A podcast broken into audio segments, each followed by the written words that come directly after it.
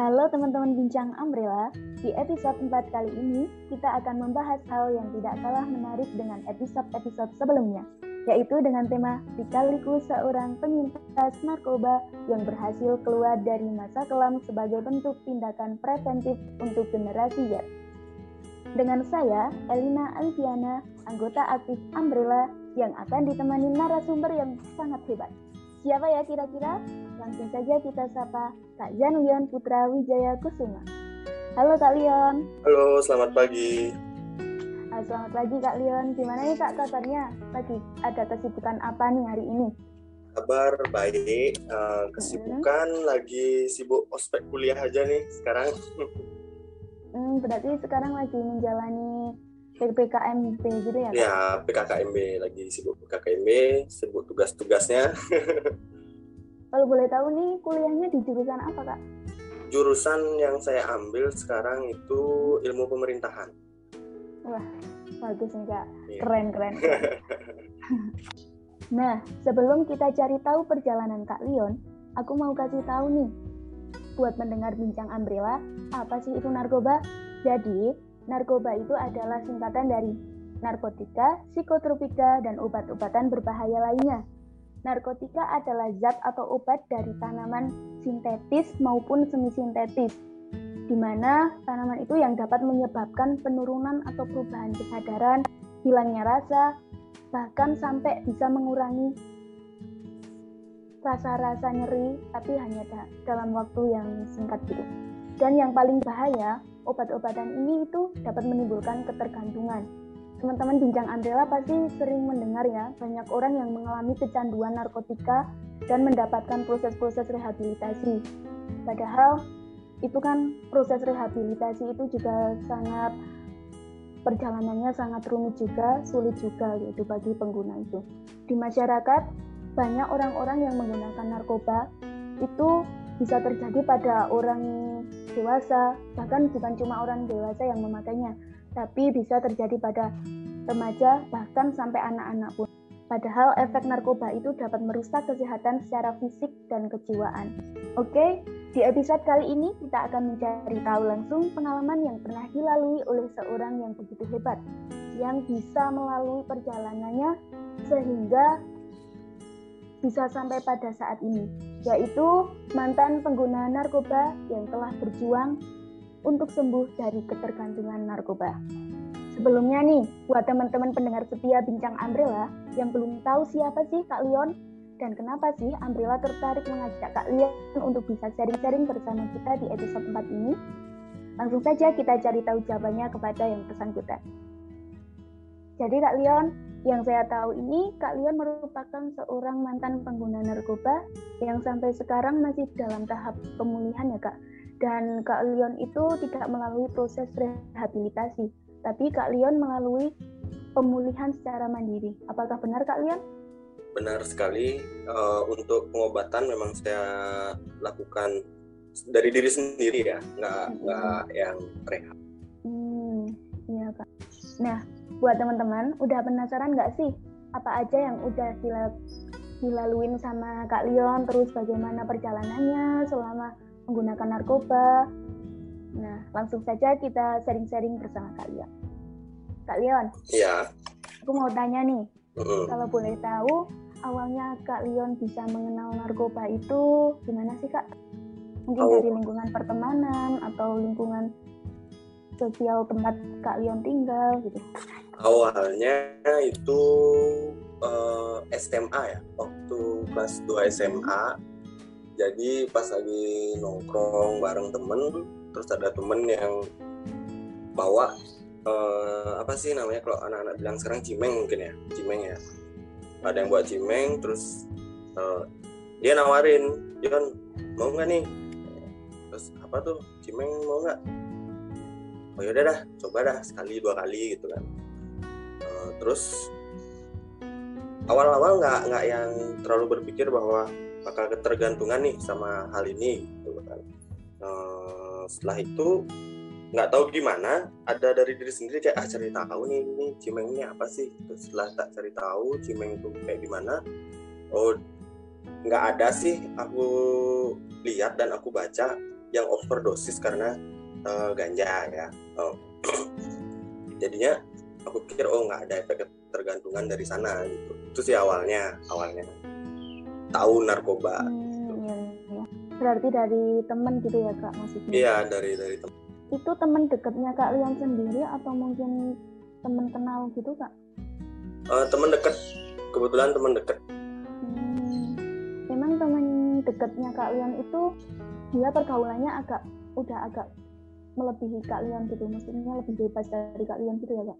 Uh, kalau dibilang lebih bebas, enggak sih karena kita uh, besar bareng-bareng. Jadi di tempat tongkrongan bareng-bareng, cuma di tempat kita nongkrong tuh kan kayak ada abang-abangannya gitu loh.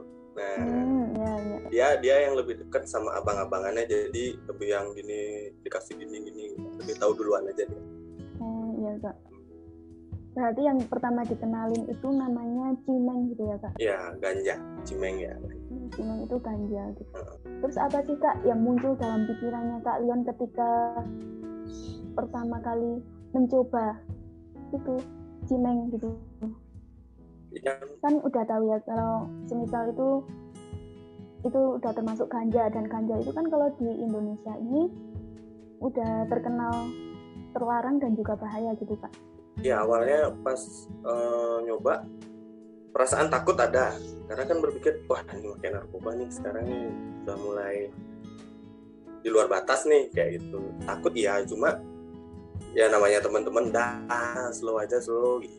tapi kan ada perasaan takut cuma karena teman-teman pada gini uh, itu kayak gimana ya? Kayak ikut-ikutan uh, teman-teman. Ikut-ikutan teman-teman aja gitu. Nah, yang namanya anak muda kan pasti pengen tahu segala macam gitu. hmm, iya iya kak. Masih ingin coba lah iya iya. Apalagi masih SMA waktu itu. Terus habis kalian mencoba itu rasanya jadi pengen lagi pengen lagi. Itu muncul setelah berapa kali mencoba kak?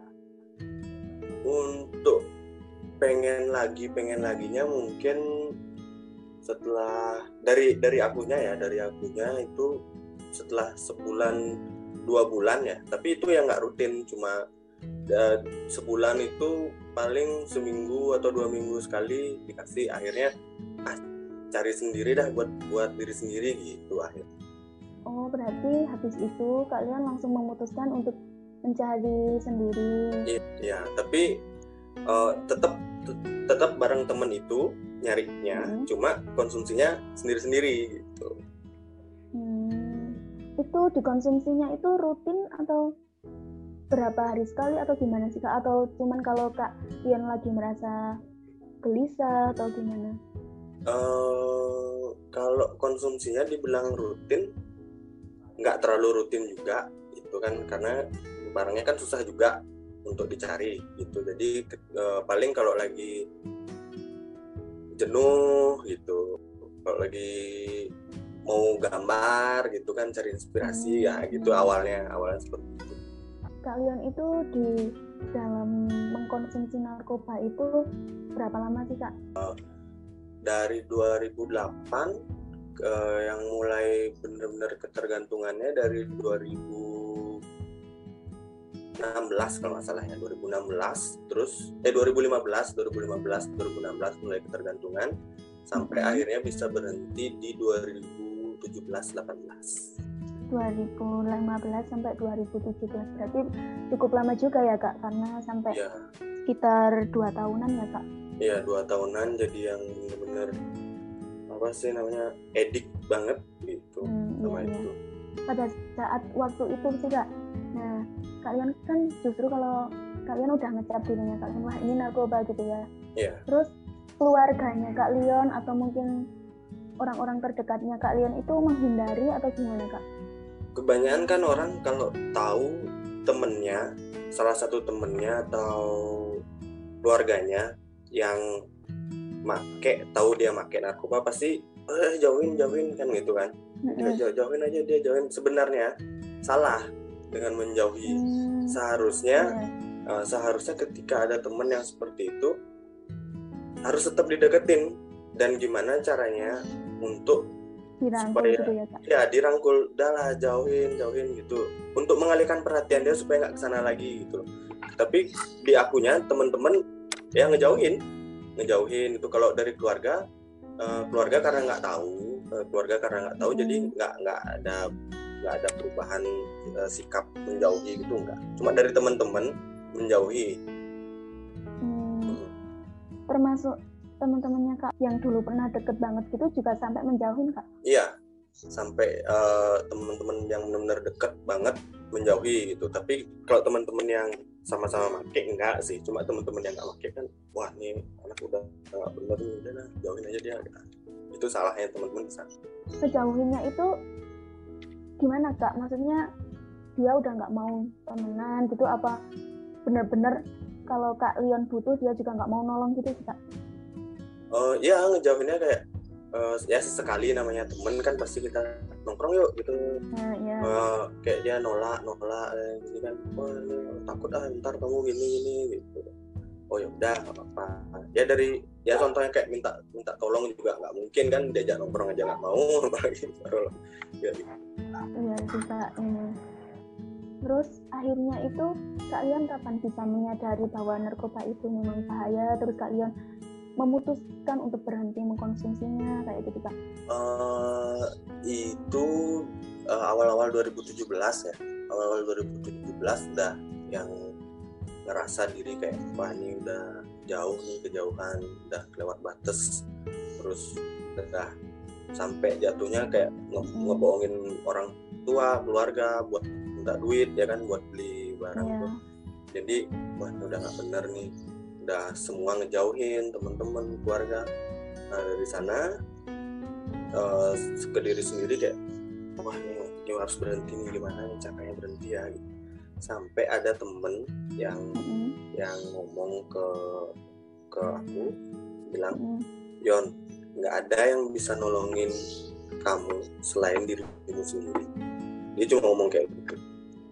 Ya temennya kak Leon temen deket gitu kak iya teman dekat teman dekat. Eh, dia dia dia bilang kayak gitu. Dia datang dia datang terus dia ngomong nggak ada yang nggak ada yang bisa nolong eh, diri kamu selain dirimu sendiri bener dalam hal apa pun ya seperti itu juga gitu. Wah, mau nggak mau akhirnya ya udah berhenti dah. Berhenti itu prosesnya bener-bener berat banget. Yang ya gimana sih harus menyibukkan diri supaya mengalihkan perhatian gambar nonton film kayak gitu. Itu itu kayak gimana ya? Kayak mengurung diri sendiri loh. Mengurung diri sendiri dalam beberapa saat dan men- menutup akses orang-orang untuk ketemu. Itu benar-benar aku nggak mau ketemu sama orang-orang. Aku harus diem nih aku harus diem berhenti. Fokus gambar. Aku sih fokus di gambar waktu itu. Gambar segala macam nonton film denger musik pokoknya menenangkan diri setiap mau pengen lagi berusaha akhirnya setiap pengen sembahyang setiap pengen sembahyang sampai Hmm. benar-benar bisa berhenti lagi jadi usahanya benar-benar murni dari diri sendiri ya iya benar-benar murni dari diri sendiri Jadi benar yang dikatakan sama temennya Kak Leon itu yang bisa merubah kamu ya diri kamu sendiri. gitu. iya benar Apa sampai sekarang keluarganya Kak Leon itu juga belum tahu kalau Kak Leon mengkonsumsi itu Kak? keluarga keluarga akhirnya tahu keluarga akhirnya tahu karena kan ini anak ngapain minta uang banyak-banyak buat apa gitu loh. Tapi Mm-mm. kalau minta uang kok nggak ada barang yang dia beli gitu loh. Oh, ini ngapain nih? Akhirnya mulai tahu wah ini make nih kayaknya nih gitu. Karena dari perubahan sikap kan dari perubahan sikap perubahan fisik tuh kelihatan banget yang namanya mulai mengkonsumsi ya. Karena Iya. eh, kalau boleh sharing aku karena yang yang bikin aku eh, ketergantungan itu bukan ganjanya Iya. Eh, aku di sana make eh, sabu-sabu sama apa sih namanya sinte. Nah, itu dari sana tuh perubahan sikap fisik yang yang jadi ansos nggak mau ketemu orang menutup diri terus eh, kurus tambah kurus ini, ini kenapa nih kamu sakit enggak enggak sakit nah, di sana mulai ketahuan kalau wah ini dia. Berarti efeknya itu langsung di fisik juga ya kak di Oh, fisik, di jiwa iya. gitu. Eh, jelas kalau yang sudah benar-benar ketergantungan dari kelopak mata hitam karena nggak pernah tidur pipinya tirus ya cekok gitulah dia kurus Hmm. gitu nggak sehat lah kelihatan muka kak Yon sendiri pernah lihat ini dulu fotonya aku sebelum apa namanya Iya. ada ada ada ngeliat sekarang sekarang kalau ngeliat foto waktu itu Mm-mm. wah ini gila nih dulu kayak sampai kayak gini sekarang melihat oh udah bener udah balik udah balik menjadi Leon yang dulu lagi bukan Leon yang sesat kemarin memang Kak. kayak apa ya jadinya ya ada rasa ribet buat diri sendiri gitu Iya. kan, iya.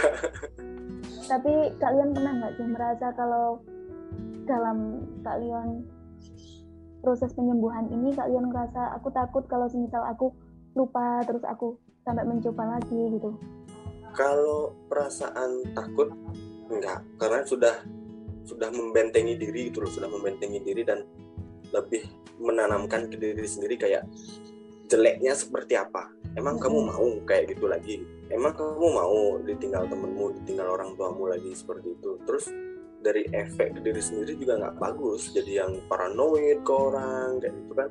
Udahlah aku nggak mau udah kayak gitu lagi. Tapi sempet sempet uh, ada beberapa temen yang kalau ketemu masih kayak nawarin udah udah, udah sorry sorry nggak ada iya kak. Berarti kadang masih ada temen yang ngajak gitu kak? Ada masih ada beberapa yang kayak Bion eh, mau oh enggak lah. Saya bilang enggak enggak sorry sorry ya. Udah ini udah cukup tak gitu. Kalau kamu pakai pakai aja jangan nawarin nawarin orang lagi tak gitu. Dia belum mungkin dia belum tahu efeknya eh, jeleknya seperti apa gitu kan. Karena ya justru kalau orang-orang yang masih pakai sampai sekarang karena dia masih punya uang gitu loh. Karena dia masih punya uang atau entah bagaimana caranya dia untuk dapetin itu kan kita nggak tahu jadi sampai sekarang dia masih mengkonsumsi dan belum kena batunya gitu belum kena jeleknya seperti apa. Mungkin harus ketangkep dulu buat sadar atau harus ditinggal salah satu keluarganya baru dia akan sadar. Iya kak. Berarti ada alasan terkuat di hati kak Leon yang apa ya intinya untuk memutuskan untuk berhenti gitu kak ya alasan terkuat salah satunya keluarga gitu atau mungkin? Alasan terkuat pertama kayak eh, ke diri sendiri dulu ya. Karena Mm-mm. aku nggak menjadikan orang lain sebagai alasanku untuk berubah. Alasanku dari diri sendiri kayak aku harus jadi orang sukses nih. Aku harus ngebayar omongan-omongan mereka yang udah ngerendahin aku pada saat aku lagi ketergantungan kemarin. Gitu loh aku harus jadi orang sukses aku jadi harus jadi orang yang lebih baik dari mereka yang udah ngejudge aku sebelumnya gitu. Dan buat orang tua juga buat adik-adik gitu. Biar bisa jadi contoh yang bener kan jadi kakaknya bisa sama ya buat diri sendiri sih lebih lebih gini ya kalau aku gitu. Iya sih kak. Mungkin ada perasaan apa gitu kak sekarang yang sekarang dialami kak Leon untuk Hmm, masa-masa narkoba itu kak? Eh, kalau perasaan yang masih kebayang-bayang dulu mungkin yang, yang namanya memori kan pasti masih tetap ada ya di pikiran gitu. cuma kalau udah balik mikir ke sana lagi pasti aku alihin dah ke gambar atau denger musik gitu. Nggak nggak nggak mau terlalu lama terakhir balik ke sana lagi karena itu kalau ingat-ingat tuh kayak aduh ngeri banget serem banget nggak mau mau ke sana lagi nggak nggak nggak kayak gitu. jadi cuman ke ah ingetnya itu inget buat hal yang positif gitu ya iya Ya, Kak, ingat jadinya hal yang nggak positif mau lagi nggak mau lagi gitu kan nah ini kak yang yang Elina lihat di IG-nya Kak Leon kan itu kan ada kayak Kak Leon gambar-gambar seniman Iya. kayak gitu juga Iya. nah itu berarti salah satu kesibukan dari Kak Leon untuk mengalihkan itu juga ya kak? Ya. Eh, masih masih berterima kasih dan bers- bersyukur juga sama Hmm. teman-teman. Kayak ada beberapa temen yang masih mempercayakan uh, aku buat mereka untuk melakukan sesuatu ya. Gambar gitu di tempat usahanya mereka. Yang gambar dong ini uh, ada nggak lukisanmu? Uh, boleh dong ditaruh di tempat kuning gitu. Oh ya boleh boleh. Ya seneng sih. Masih ada temen yang mau percaya. Iya berarti intinya itu kalau orang yang terkena kayak gitu bukan malah dijauhin tapi seharusnya dirangkul gitu ya kak?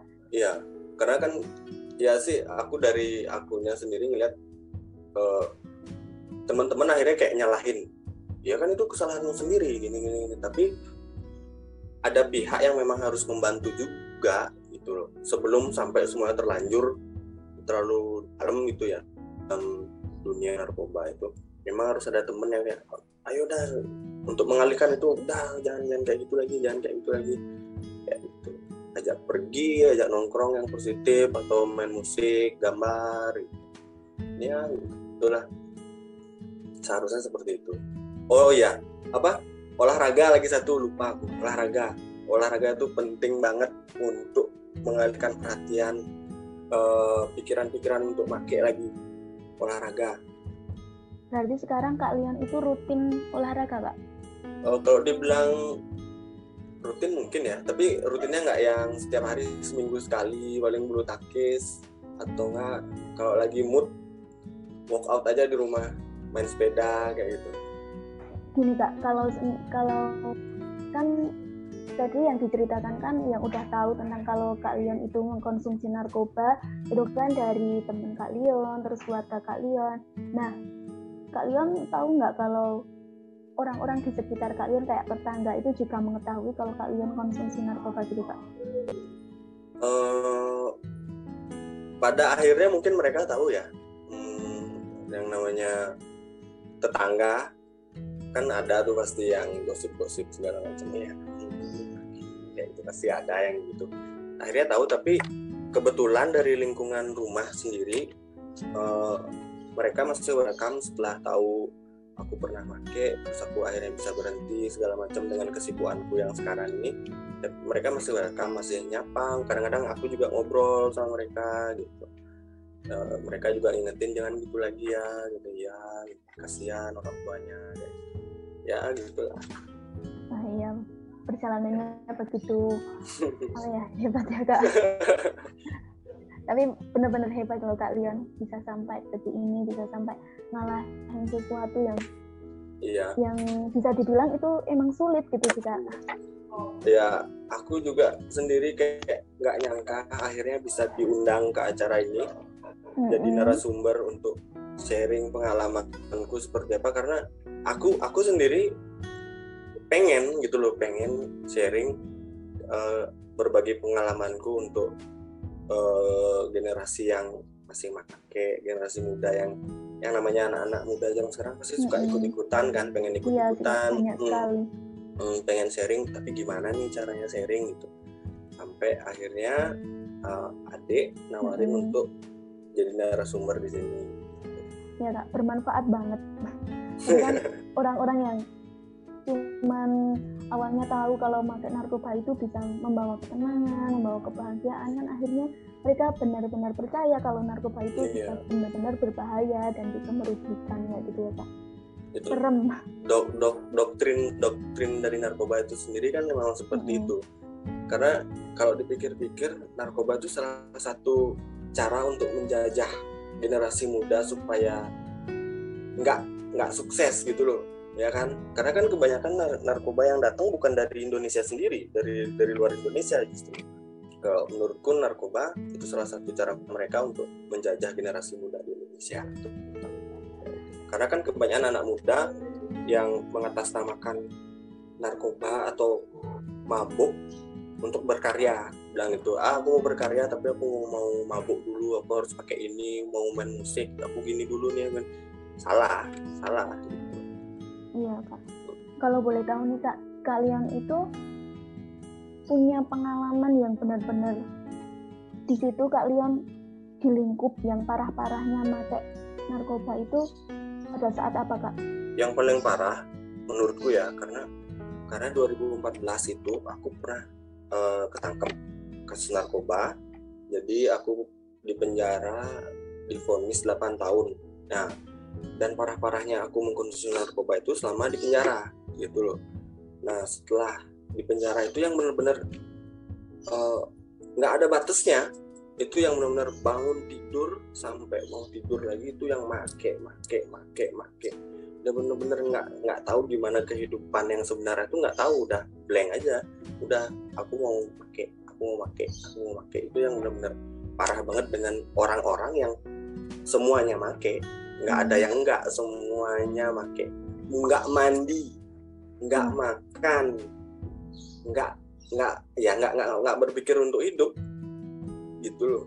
Itu menurutku itu yang parah banget sih. Tapi kan ini kan kasusnya kan Kak Leon itu ditangkap gara-gara kasus narkoba ya kak.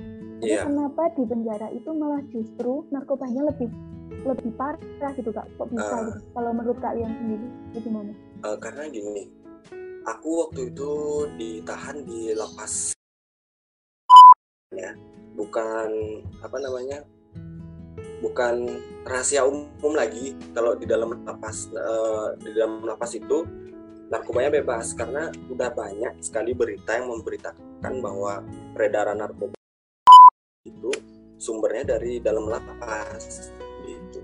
Jadi ya aku sendiri nggak nggak terlalu tahu banyak gimana sih kok bisa ada narkoba seperti itu. Aku juga nggak nggak begitu tahu. Yang jelas pada saat aku ditahan dan masuk ke sana wah ini bener-bener bebas banget di sana untuk mengkonsumsi jual beli segala macam kayak gitu.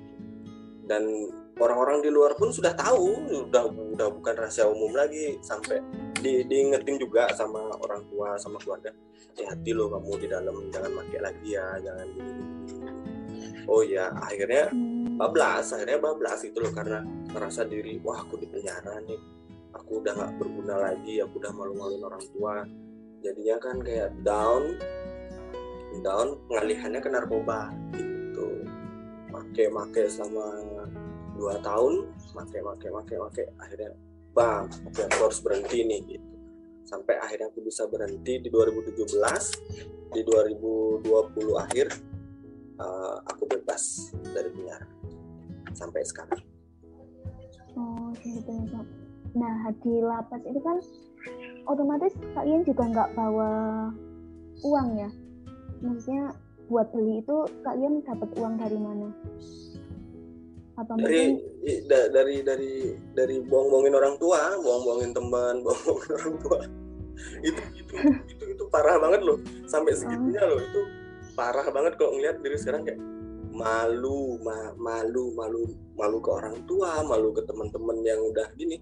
Tapi akhirnya setelah aku bebas, aku cerita ke orang tua aku cerita ke teman-teman.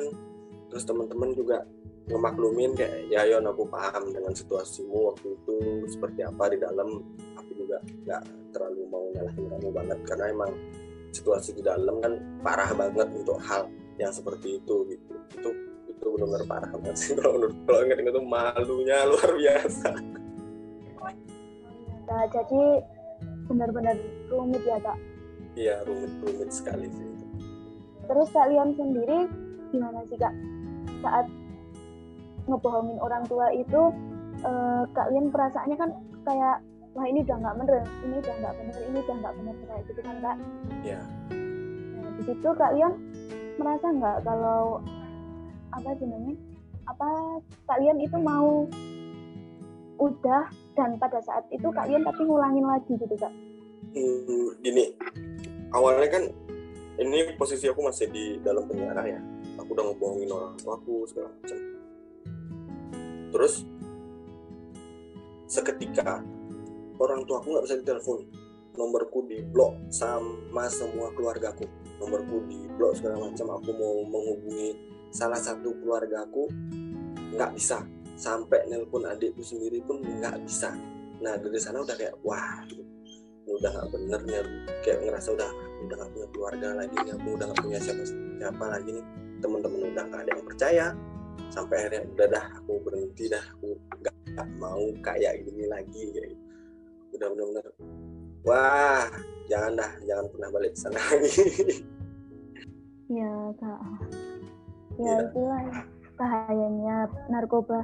Bahaya sekali narkoba benar-benar jangan jangan maksudnya jangan pernah mau kenal. Jangan pernah mau kenal sama yang namanya narkoba. Itu benar-benar wah jangan sampai. Oke kalian uh, jadi kan kalian tadi tujuannya juga kalian juga bahagia bisa jadi narasumber di ya, Andrea.